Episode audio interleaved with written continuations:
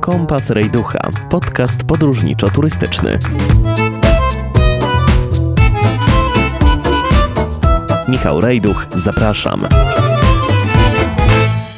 Michał Rejduch, witajcie w kolejnym odcinku podcastu o tematyce podróżniczo-turystycznej Kompas Rejducha. To takie miejsce, w którym podpowiadam z moimi gośćmi, gdzie wybrać się w podróż, jak do niej się przygotować, ale możecie także poznać niesamowite przygody, ciekawą kulturę oraz miejsca, które odwiedzili moi goście.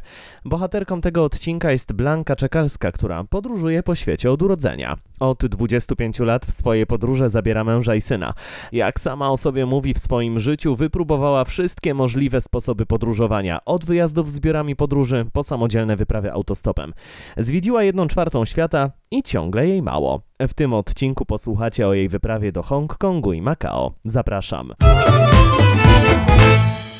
Bardzo mi w ogóle miło, że udało nam się y, spotkać w takich pięknych okolicznościach y, przyrody. Siedzimy prawie w lesie, że nie leje i burza z a za nami, za nami ulica, ale jest przyjemnie. E, Blanka Czekalska jest y, moim gościem. Razem z rodziną na przełomie 2019 i 2020 roku odwiedziłaś Hongkong i Makao. Powiedziałaś mi w rozmowie telefonicznej, że to jest tak, że jak raz pojedziesz do Azji, to ta Azja cię tak uzależni, że wracasz tam wielokrotnie. Tak, to prawda. Y, Nie wiem, co takiego jest w Azji, ale jest ona uzależniająca. Można ją albo znienawidzieć od ręki, albo pokochać i, i wracać do niej zawsze. y, Tam się mo- praktycznie może podobać wszystko. I ta odmienność, i kultury, e, i krajobrazów, e, i architektury. E, ludzie są zupełnie inni. E, odmienne są przede wszystkim e, ten cały chaos, który tam jest, ten azjatycki. E, kolory, zapachy, no praktycznie wszystko. A wy pojechaliście w takim dość e, trudnym momencie, bo ta pandemia się zaczynała na przełomie 2019 i 2020 roku. No, były już e, pewne doniesienia medialne, że ten wirus się rozprzestrzenia. Nie obawialiście się tego, bo tak naprawdę myśmy wtedy nie wiedzieli, co to jest i z czym mamy do czynienia. Kiedy myśmy w ogóle kupowali bilety na wylot, to był, to był lipiec e, 2019, więc wiadomo, wtedy w ogóle nie było o tym mowy. E, I prawdą jest taką, że myśmy się dowiedzieli o tym, że w ogóle jest coś takiego jak pandemia w dniu wylotu, już stamtąd. E, Mało tego, mieliśmy, mm, e, jak się okazało, hotel ostatni, ostatnie miejsce noclegu, e, w miejscu, w którym właśnie y, pojawiła się jedna z pierwszych pacjentek z e, koronawirusem w ogóle, y, która uciekła z Wuhan. E, Mało tego, ona w ogóle uciekła ze szpitala z ciężkim zapaleniem płuc i trafi, trafiła do tego naszego hotelu, więc tego, czy mieliśmy z nią styczność, czy nie, nie mamy pojęcia. Natomiast e, kiedy wyprowadzaliśmy się właśnie z hotelu, to okazało się, że stała przed hotelem telewizja z kamerami, tak? I dowiedzieliśmy się o tym, co się dzieje w ogóle od taksówkarza, z którym wracaliśmy, mm, kierowcy właśnie Ubera, który wiózł nas na lotnisko. I okazało się, że on cały przerażony, że my, wiezie nas, że my wyszliśmy z tego hotelu, e, zaczął nam właśnie opowiadać w ogóle o tym koronawirusie, że jest coś takiego, że jest jakaś pandemia, że jest jakiś problem, taka wielka choroba, że ludzie umierają setkami tysięcy w Chinach i nie wiadomo co się dzieje. E, oni już to wiedzieli. Ja ja oczywiście y, zaraz potem zaczęłam śledzić w ogóle jakiekolwiek informacje na ten temat. E, myśmy wrócili i zaraz mniej więcej dwa tygodnie po naszym powrocie y, ja się pochorowałam. E, chwilę później zaczęłam chorować wszyscy w naszym otoczeniu. E, I to na takie ciężkie, ciężkie zapalenia płuc, grypy i tym podobne.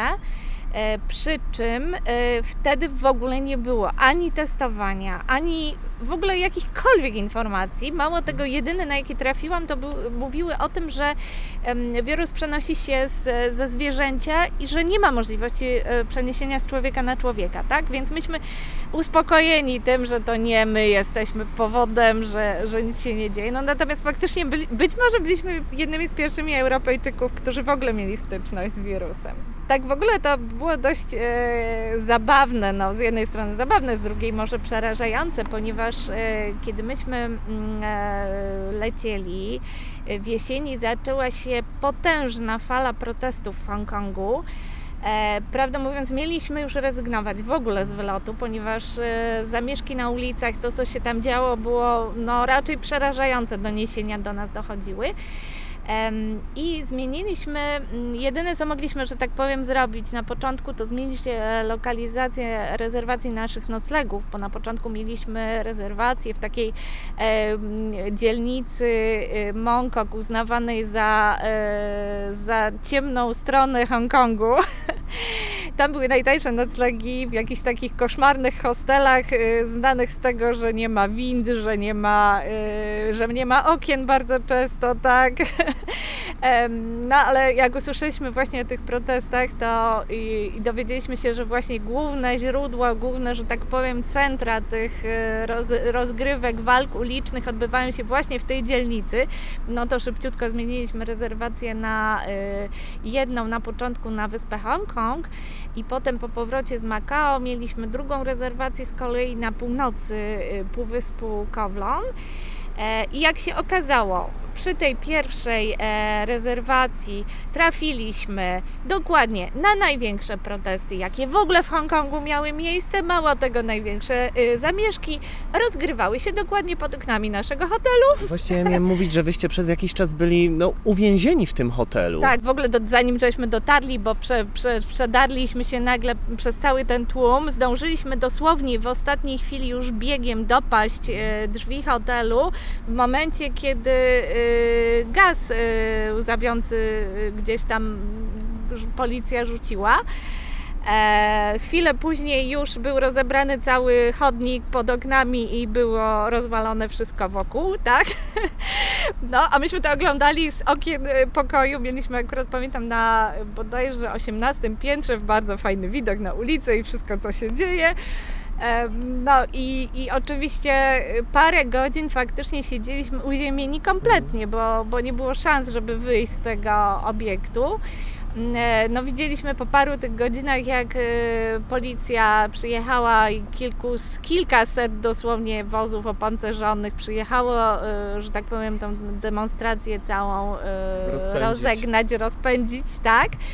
Minęło kolejne pół godziny, wyszła już ekipa sprzątająca na ulicę a mniej więcej godzinę później już były knajpy otwarte na dole, już można było iść coś zjeść. Jak gdyby nigdy nic się nie tak, stało. tak, dosłownie, także to w ogóle, a to jest typowa Azja, tak? Tam jest biznes, jest biznes, to jest najważniejsze. Z czego wynikały te protesty? Dlaczego oni wyszli na ulicę, ci ludzie? Tam protesty się odbywają tak naprawdę od 2014 roku, ponieważ e, no jest, to, jest to generalnie sprawa polityczna, tak?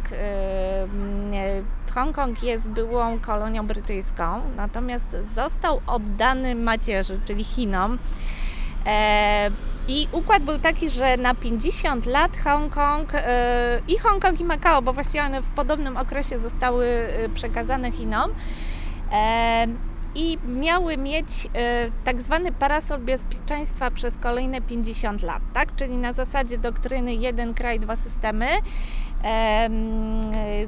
wspólny, jedyne właściwie, e, że tak powiem, ingerencja Chin to miała być opieka militarna, natomiast cała reszta, czyli właśnie te wszystkie zasady demokracji, głosowania, e, sądownictwo, oni mają swoją walutę, swoje flagi, swój hymn i tak dalej e, i swoją, że tak powiem, wolność. Natomiast no, w pewnym momencie Chiny zaczęły swoje trzy grosze wstawiać i e, zaczęły im to zmieniać i zaczęły się właśnie od zmiany ordynacji wyborczej, która jak się okazało była bardzo niekorzystna dla Hongkongu i stąd były te pierwsze demonstracje. A potem im bardziej się to nasilało, im bardziej się okazało, że władza Hongkongu jest sprzyjająca władzy Chin, tym bardziej te demonstracje się rozwijały. No i faktycznie apogeum było dokładnie 1 stycznia 2020 roku pod oknami naszego hotelu.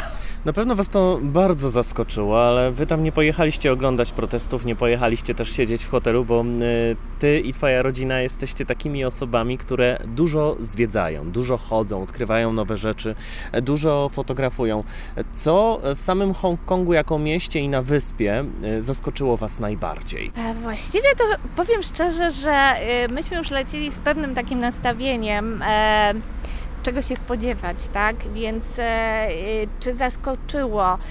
E, Ja byłam bardzo dobrze przygotowana do tego wyjazdu. Muszę przyznać, że to było jedno, jeden z niewielu takich kierunków, w którym e, bardzo dokładnie wczytywałam się we wszystkie informacje i wyszukiwałam absolutnie wszystko, co tylko było najciekawsze do obejrzenia. E, Myśmy w sumie w podróży byli prawie dwa tygodnie. To jest bardzo dużo jak na e, te kraje, te regiony, ponieważ e, bardzo rzadko ludzie w ogóle traktują Hongkong czy Macao jako cel swojej wyprawy. Jeśli już to jest raczej jakiś stopover w podróży, w przelocie samolotem w dalsze rejony Azji czy, czy tam Australia. Więc było faktycznie tego masa. E, Właściwie plan, który miałam przygotowany, udało się zrealizować w 100%. To z tego jestem zadowolona. E, Udało się zobaczyć absolutnie wszystko, co, e, co było najciekawsze. E, No oczywiście przygotowanie, nastawienie, wiedza o tym, a zobaczenie tego na żywo to są Dwie różne dwie rzeczy. różne rzeczy. Tak, to jest kompletnie coś innego. Ja zawsze mówię, że faktycznie człowiek, który podróżuje, to odkrywa świat no, tysiąc razy bardziej niż e, i, i ten, to otwierają mu się oczy na wszystko e, sto razy bardziej niż, niż kiedy, kiedy tego nie robi, tak? Mm, Natomiast e, no myśmy bardzo dużo czasu właśnie spędzili na wyspie Hongkong. E, Tam e, praktycznie obejrzeliśmy wszystko. E, No, największym zaskoczeniem i takim e, szokiem jest e, słynny bu- budynek, który znajduje się na wschodzie wyspy. To jest budynek, który ma, był zbudowany w 1960 roku, w czasach, kiedy był największy, że tak powiem, przyrost i zasiedlanie Hongkongu. I e, budynek ten e, w tej chwili jest udostępniona tylko jedna część e, obiektu turystom. Mają prawo tam wejść, fotografować. Reszta już zachowana, że tak powiem, prywatność tych ludzi, którzy tam mieszkają. Natomiast no, robi nieziemskie wrażenie, ponieważ to jest budynek 20-piętrowy, który nie ma wind. E, tam e, toczy się normalne życie. No ja nie wyobrażam sobie osoby starszej, która gdzieś tam mieszka na tym 20 piętrze. Albo jest- robisz remont i wchodzisz na 20 tak, piętro. O tak, to już w ogóle, po prostu wnoszenie mebli na przykład. Tak, E, tak myśmy mieli teraz remont na głowie i, Ja myślę, że firmy, firmy przeprowadzkowe, które tam działają, to naprawdę dużo kasy na tak, tym to zarabiają. Jest prawda. A jeszcze, jeszcze jest przeciekawa rzecz, mianowicie mm, w tle tego budynku zbudowano obiekt, który go niejako zamyka, y, 50-piętrowy. To już jest nowoczesny oczywiście z windami, tak, Mhm. ale, y, ale stanowi to nieprawdopodobną taką y, w tej chwili ciemną studnię. E, która, która robi kosmiczne wrażenie i zresztą no, y, on, ja podejrzewam, że ona robi na wszystkich wrażenie, ponieważ chyba największa ilość filmów różnych takich e, kosmicznych science fiction była właśnie tam, tam kręcona między innymi. A Także... co czułaś stojąc tam na dole, na parterze tego budynku i patrząc w górę na te 20 pięter ze, z trzech stron i i 50 z czwartej? No, no, no jest to takie wrażenie przytłaczające, przy czym ja jestem akurat y, z tych, którzy uwielbiają wysokie budownictwo. Y, bardzo dobrze się w tym czuję, dlatego Hongkong jak z tymi drapaczami w ogóle y, chmur y, nie przerażał mnie, a wręcz przeciwnie, tak? Em, Powiem tak, jest tego typu budownictwa przy tak ogromnym zagęszczeniu ludności, jakie tam jest, bo y, no jest to jeden z najgęściej zaludnionych krajów świata, regionów świata, mm, e, ma tą zaletę, że budując wzwyż, my nie zabieramy dzikich terenów, tak? Czyli pozwalamy y, zachować y, fenomenalne wręcz tereny, które są wolne od zabudowy. Czyli nie to ma jest- betonu po prostu To tam, gdzie powinien właśnie być... to, czego niestety nie ma u nas park. w Polsce, bo u nas każdy oczywiście y, chce mieć swoje własne ogródeczek, każdy swój domeczek. Efekt jest taki, że każda góreczka ma y, jakieś tam e, zabetonowanie już, tak? Już nie ma praktycznie takich dzikich, e, wolnych e, od zabudowy terenów. E, No niestety jest to przyszłościowo patrząc e, na rozwój mm, bardzo negatywne i, i, i na pewno nic dobrego z tego nie będzie, ponieważ odbieramy po prostu kolejnym pokoleniom e, prawo do e, kontaktu z naturą. No. A Sam- właśnie Hongkong jest pod tym względem fenomenalny, ponieważ mm, mimo tej ogromnej zabudowy, e, Trzy czwarte terenu kraju jest dzikie, wolne zupełnie. e, Jedna trzecia to są w ogóle parki e, narodowe i krajobrazowe. Także jest fantastycznie. No, gdziekolwiek się nie ruszyć już, że tak powiem, poza tą zabudowę.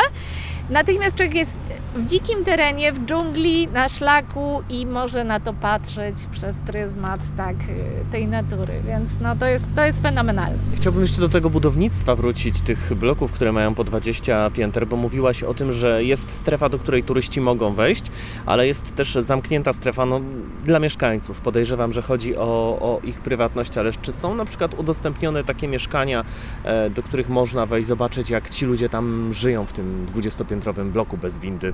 No niestety nie. Niestety do mieszkań akurat nie ma możliwości wejścia. Yy, W ogóle mówiąc szczerze, to tak zazwyczaj jest tak, że podróżując gdzieś mamy sporo kontaktu z ludźmi, tak? Bo gdzieś oni się przewijają i tak Z dalej. mieszkańcami. Z mieszkańcami, tak. Natomiast w samym powiedzmy Hongkongu e, tego kontaktu jest naprawdę niewiele. E, Pomijam kwestię, że akurat w tym okresie, kiedy myśmy byli, mimo że to był e, szczyt sezonu turystycznego, bo najwięcej turystów właśnie przylatuje w okresie świąteczno-noworocznym, e, Między innymi ze względu na to, że tam się zawsze rok w rok odbywał najpiękniejszy Sylwester w ogóle na świecie. Z tego też względu też myśmy wymyślili ten termin. Ale tym akurat okresie, ponieważ y, były właśnie te protesty potężne, ludzie poryzygnowali. Była kompletna pustka, jeżeli chodzi o turystykę. Puściutkie hotele, y, puste dosłownie prawie promenady. Gdzieś tam w kilku miejscach takich mocno turystycznych pojawiali się ludzie. Natomiast y, gdziekolwiek, jak już udawaliśmy się w rejon taki bardziej e, mniej turystyczny, to w ogóle nie, nie spotykaliśmy przez parę godzin nikogo, dosłownie, więc to było wręcz niesamowite, e, że człowiek nie miał kontaktu z tymi ludźmi. Mm, Inna rzecz, dlaczego oni sami, dlaczego samych Hongkongczyków się nie spotyka na ulicach, ponieważ to jest najbardziej, e, najwięcej pracujący mm, e, w ciągu tygodnia naród świata. E, Oni pracują po kilkanaście godzin nawet na dobę. E, Jeden dzień w tygodniu bodajże mają wolny i wtedy można gdzieś tam właśnie w tą niedzielę ich spotkać. Natomiast tak poza tym to owszem, jakichś tam pojedynczych emerytów ćwi- ćwiczących najczęściej tai chi gdzieś na placach, ale tak to, y, tak to faktycznie jest ich tam garstka. No ale wiem, że są takie ulice w Hongkongu, e, które żyją swoim życiem. Ludzie wychodzą tam wieczorem, spotykają się.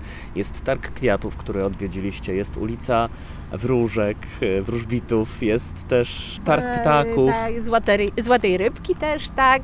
E, jest tam tego multum, e, które faktycznie to jest dzielnica Mongkok. E, najgęściej zaludniona w tej chwili dzielnica świata. Bodajże 130 tysięcy ludzi e, na kilometr kwadratowy. Takie jest zagęszczenie Mongkoku. I tam też skupione są właśnie e, cały prawie handel. Taki handel, że tak powiem, luźny na, na typowych takich targowiskach chińskich. E, plus właśnie oczywiście mnóstwo knajpek, mnóstwo jakichś tam e, punktów usługowych i tak dalej. I ta faktycznie tam miasto w tym miejscu żyje przez całą dobę. Bo część nawet tych marketów, e, tych targów jest czynna właśnie od północy dopiero, więc o każdej porze praktycznie dnia i nocy, jak człowiek ma ochotę tam pojechać do tej dzielnicy, to, to zawsze coś otwartego znajdzie. Ale to jest zrobione pod turystów, czy raczej pod lokalsów? Yy, No, właściwie podejrzewam, że jedno i drugie, tak? To znaczy, no, turyści na pewno nakręcają w jakiś tam sposób e, tą komercję i ten handel, natomiast e, tam raczej, raczej lokalesi właśnie się schodzą. Także no myśmy tam wracali do tej dzielnicy pięć razy, bo my ubóstwiamy w ogóle takie dzielnice, w których się toczy życie, w którym właśnie jest ten gwar, te kolory, te zapachy, nawet te smrody. Kuchnie to wszystko, świata wszystkie podobno. świata, tak. Ten handel, bo tam faktycznie można, można kupić wszystko. E, Myśmy się śmiali, że Chińczycy podrabiają sami siebie, e, bo dosłownie można, e, można zakupić wszystko, e, dowolną rzecz, dowolnej marki. No już pomijam kwestię, za jakie grosze się to kupuje, ale, ale, ale faktycznie jest to, jest to tam możliwe. A ta ulica Wróżek i Wróżbitów, jak to wygląda? Bo to mnie, powiem Ci, tak dość zainteresowało, zaintrygowało.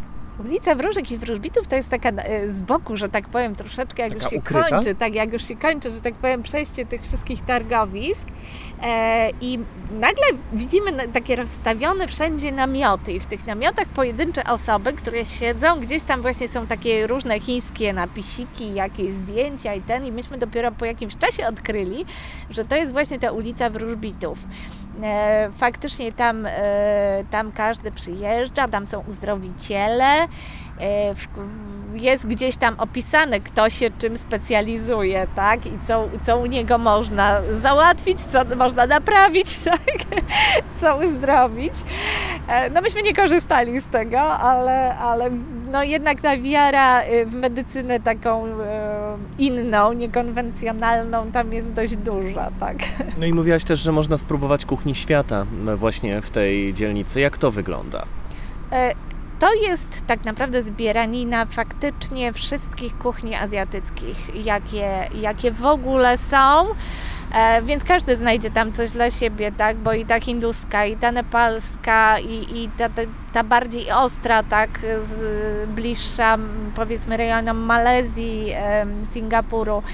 E, Myśmy wcześniej odwiedzili właśnie te kraje i powiem szczerze, że mm, e, troszeczkę już mieliśmy pojęcie, co i gdzie należy zjeść, tak, żeby na przykład gardło nie spłonęło. E, Mój mąż jest jedyny w, ro- w rodzinie, który lubi taką ostrą kuchnię, natomiast my z synem nie przepadamy, także raczej, raczej wolimy tą taką bardziej, bardziej, że tak powiem, przyjazną dla, e, dla języka. E, no, pokochaliśmy kuchnię nepalską, także jeżeli gdziekolwiek mamy okazję zjeść coś nepalskiego, to tam wiemy, że tam na pewno zjemy dobrze. I duże zaludnienie, jak mówiłaś, tej dzielnicy. Ile? 130 tysięcy na kilometr kwadratowy, natomiast e, to nie jest e, rekord Guinnessa, ponieważ tak naprawdę rekord, e, rekord należy do dzielnicy, która już nie istnieje. Ona została zburzona, w, e, właściwie przez, skończyła swój żywot w 1993 roku, tak. E, I to była faktycznie dzielnica, y, miasto zła, nazywane tak zwane miasto zła, które w ogóle wybudowało się tam nielegalnie. To było tak naprawdę przepychanka między kolonistami angielskimi a, a Chinami. E, na y, kto, kto, kto pierwszy położył łapę na tym terenie. Efekt był taki, że zaczęli się tam zasiedlać nielegalni przybysze z Chin, którzy uciekali z Chin. Anglicy próbowali interweniować. Podobno po 3000 interwencji policji w tym rejonie poddali się i teren stał się tak jakby osobnym państwem, dosłownie, bo e, nie obowiązywało tam żadne prawo, żadne zasady.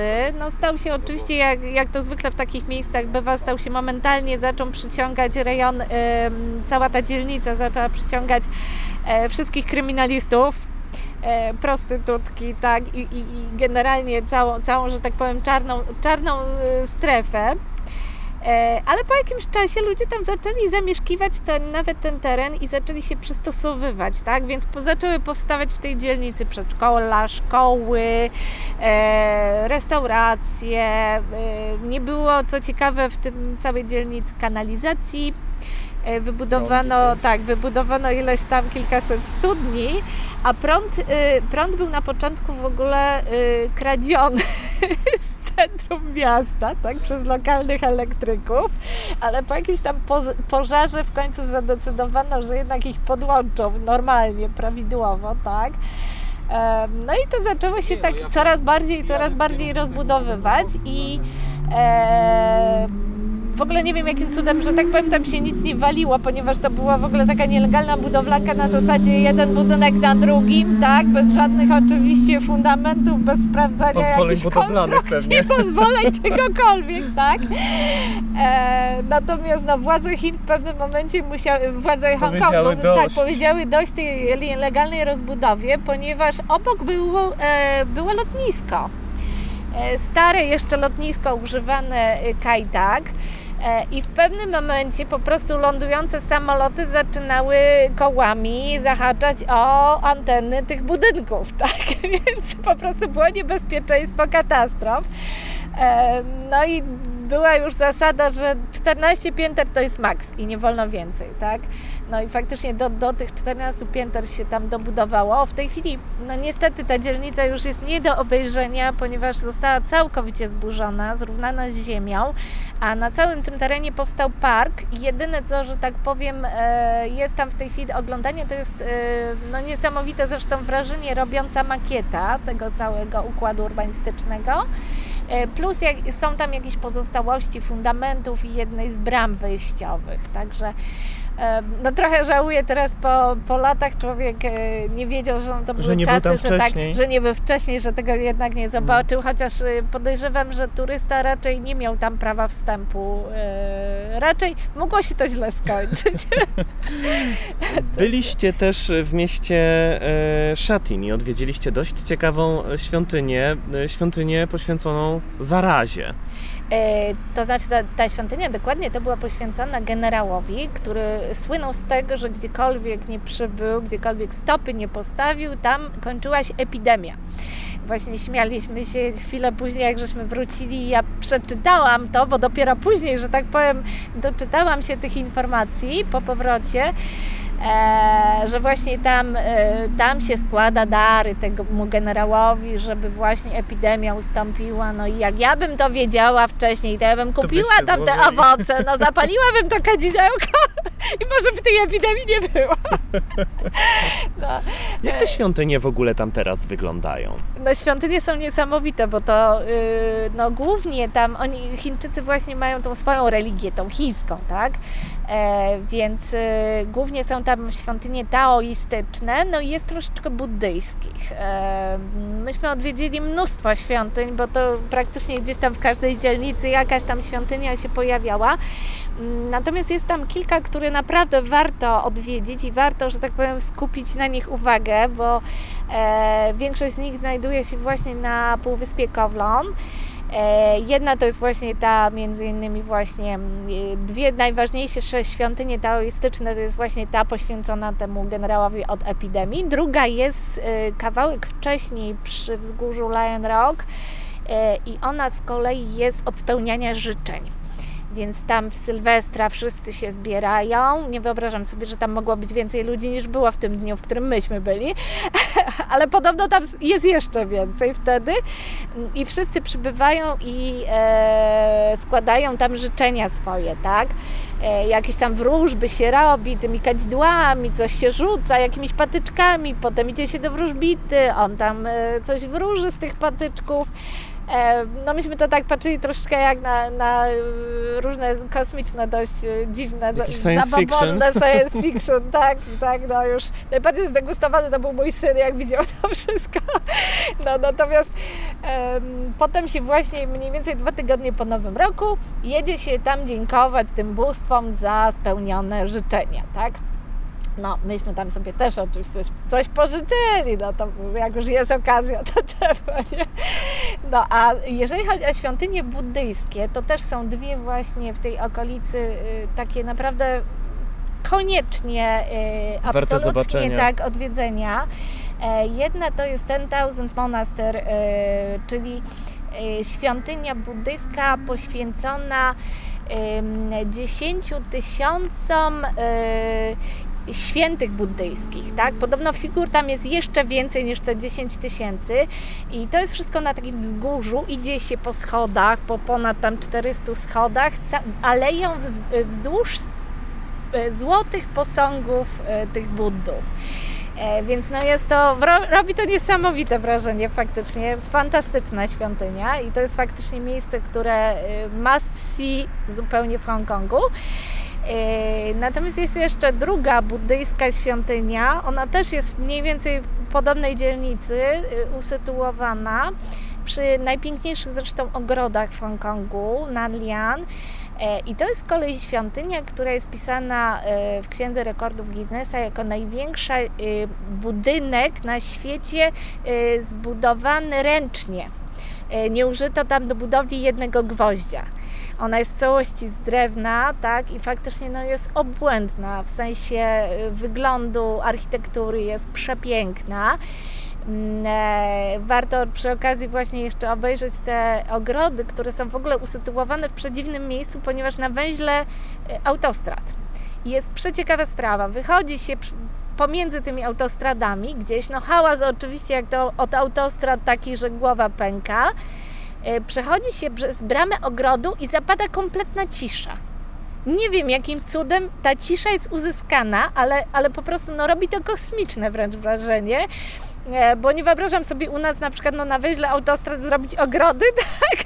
I, żeby ludzie tam przychodzili, żeby uzyskać taki efekt, tak?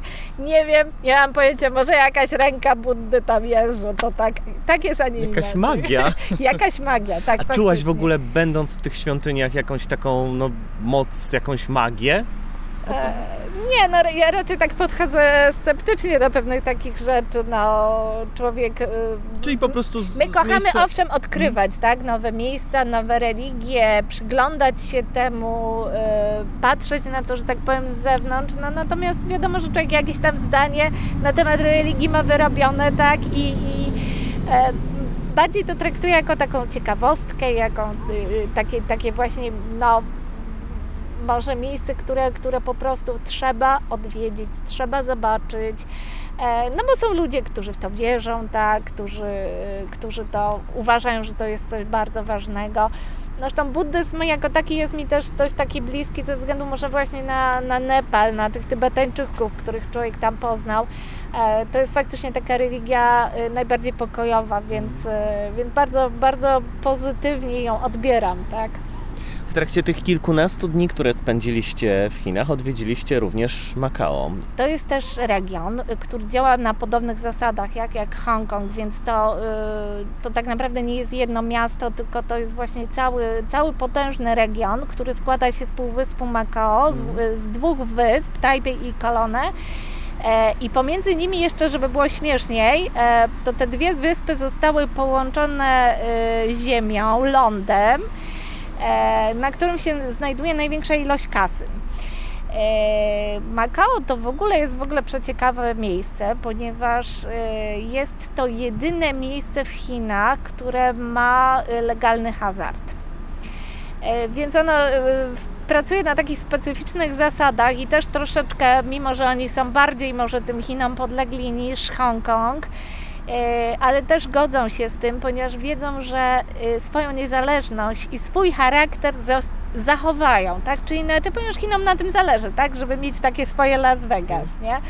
Mm, e, faktycznie przypomina to Las Vegas, natomiast od Las Vegas jest po pierwsze dużo większe, dużo ładniejsze i dużo droższe ponieważ tam e, oni tak naprawdę od Las Vegas mają pięć razy bodajże więcej dochodów z kasyn, więc, więc można sobie wyobrazić tą skalę, tak?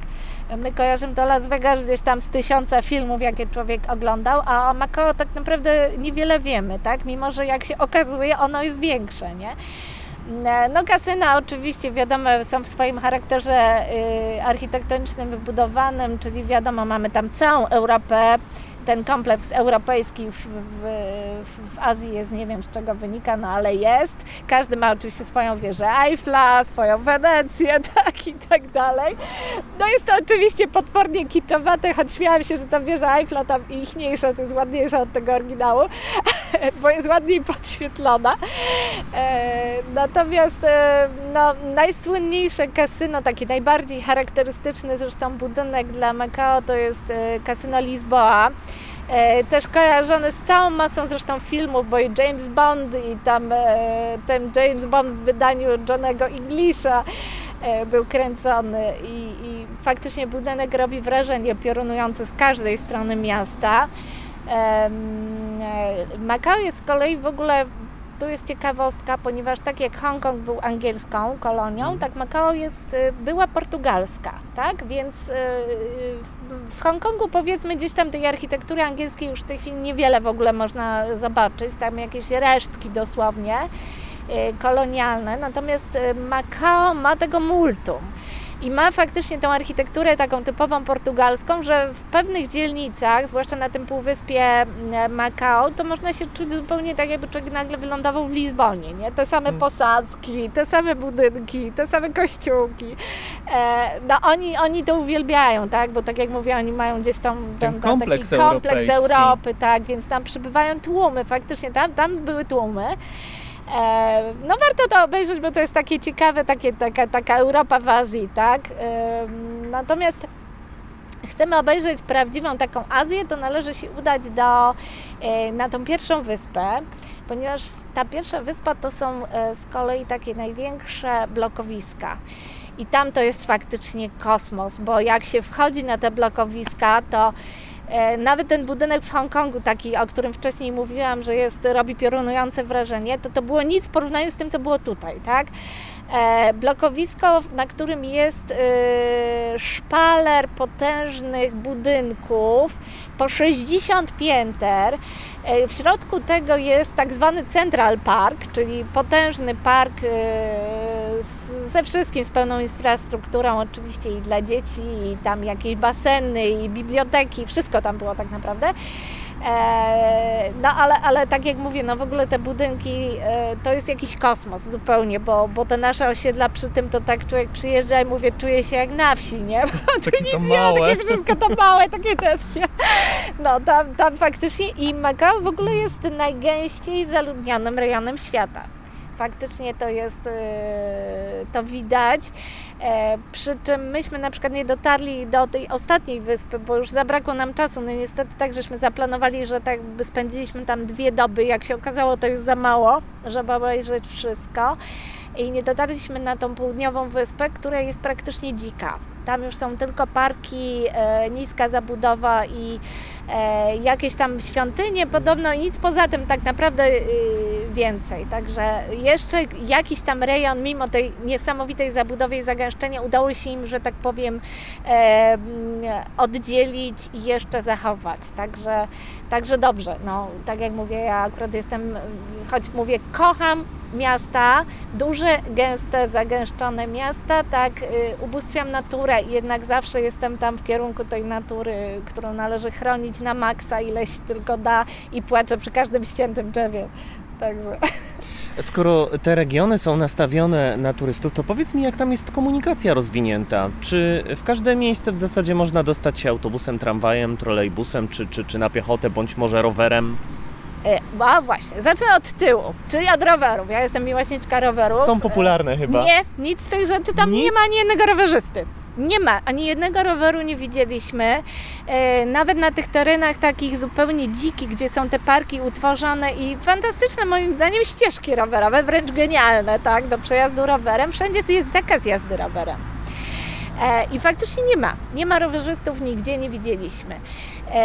Natomiast e, sama komunikacja jest tak genialna, że praktycznie był to jeden z niewielu miejsc na świecie, w których myśmy auta nie wypożyczali. Bo tak to zawsze się gdzieś tam poruszamy własną komunikacją, własnym samochodem. E, Natomiast tam tego nie zrobiliśmy, ponieważ wszędzie, absolutnie wszędzie, w każdy zakątek, w każde takie ciekawe miejsce, jakieś, jakieś właśnie nawet park narodowy, jakieś tam wybrzeże, można czymś dojechać. Hongkong słynie z tego, że e, ma jedyne na świecie dwupiętrowe tramwaje. Jest to faktycznie fantastyczne. Koniecznie się trzeba przejechać takim tramwajem, bo robi to piorunujące wrażenie, jak człowiek jedzie taką, taką wąską puszką, tak, na piętrze i z tego widoku tego pierwszego piętra ogląda. E, Ruch jest niesamowity. Autobusy faktycznie przejeżdżają po kilkadziesiąt. y, Myśmy mieszkali przy takiej głównej arterii miasta, to kilkadziesiąt autobusów było za każdym razem na ulicy, tak? Więc y, praktycznie jeden za drugim jedzie, jeden za drugim, można nimi dojechać wszędzie. Mm, to jest na wyspie Hongkong. Właśnie te tramwaje też jeżdżą tylko na wyspie Hongkong. E, natomiast wszędzie indziej, po całym tutaj rejonie, można się też dostać metrem. I ta sieć metra jest tak rozwinięta, że praktycznie no, na terenie całego regionu jest to metro. E, ono jest już troszkę droższe, zwłaszcza najdroższy jest e, przejazd pod, pod kanałem między, pod zatoką właściwie między Półwyspem a wyspą Hongkong. E, także można pojechać metrem, można przepłynąć łodzią dla odmiany się. Pływanie łodzią to też jest fajna, fajna radocha, bo zawsze jednak to miasto zupełnie inaczej z wody widać. E, można sobie wynająć słynną dżonkę. To są jedyne takie już stricte pod turystów faktycznie zrobione mm, statki, które są z takimi przepięknymi czerwonymi żaglami, wieczorem oświetlonymi e, i tak właśnie rozbłyskują na całej tej zatoce właśnie wieczorem te dżonki, także no i robi to fantastyczne wrażenie. Faktycznie komunikacja jest genialna. No oczywiście wszystkie te aplikacje działają na zasadzie, że wystarczy sprawdzić za ile, za ile będzie, w którym miejscu, gdzie dojść i tak dalej. No to, to, to już tam działa. Zresztą Azja w ogóle jest w tym względzie y, genialna, tak, w większości tych krajów poruszanie się jest bardzo proste i naprawdę wystarczy mieć odrobinę wiedzy jakiejkolwiek, y, y, jak to wyszukać i już za chwilę to działa, nie? Tam się wykupuje te karty i te karty działają tak, że dokupuje się punkty po prostu na tych kartach i można dowolną komunikacją z jedną kartą się poruszać. Także jest to fajne, wygodne i, i, i ten, także polecam, polecam. Było coś podczas tej wyprawy, co Ci się nie spodobało? Co ukuło w oczy? Nie, nic takiego nie było. Ja to jestem zawsze wszystkim zachwycona. Wszystko się podoba? Nawet jak coś mi się nie podoba, to mi się zachwyca, ale z innego powodu. To znaczy, że jest na przykład ciekawym obiektem, e, żeby sfotografować, tak? Bo jak coś jest jakaś, w jakiejś ruinie, jakieś koszmarne rury wystają, jakieś coś, jakieś te, takie typowe, typowe na przykład czarne zaułki, nie? No to też jest powód, żeby się tym zachwycić, bo to jest coś, czego człowiek nie zna, nie? Mm, e, także nie, nie, nie było nic takiego rozczarowującego, absolutnie. Y, no może był ten moment taki, prawda, strachu, niepewności, kiedy właśnie, tak jak mówię, uciekaliśmy przed tym protestem e, i gdzieś tam, gdzieś tam człowiek miał nad głową tak, że, że coś jednak złego się może wydarzyć, tak, no jednak mimo wszystko ja właśnie akurat o tym nie mówiłam, ale to był największy faktycznie protest. Aż 2 miliony ludzi wyszło na jedną ulicę miasta, więc to, to po prostu jest niewyobrażalna liczba, tak? No u nas takich protestów w życiu nie było, nie? No więc widać, widać właśnie tę skalę, nie?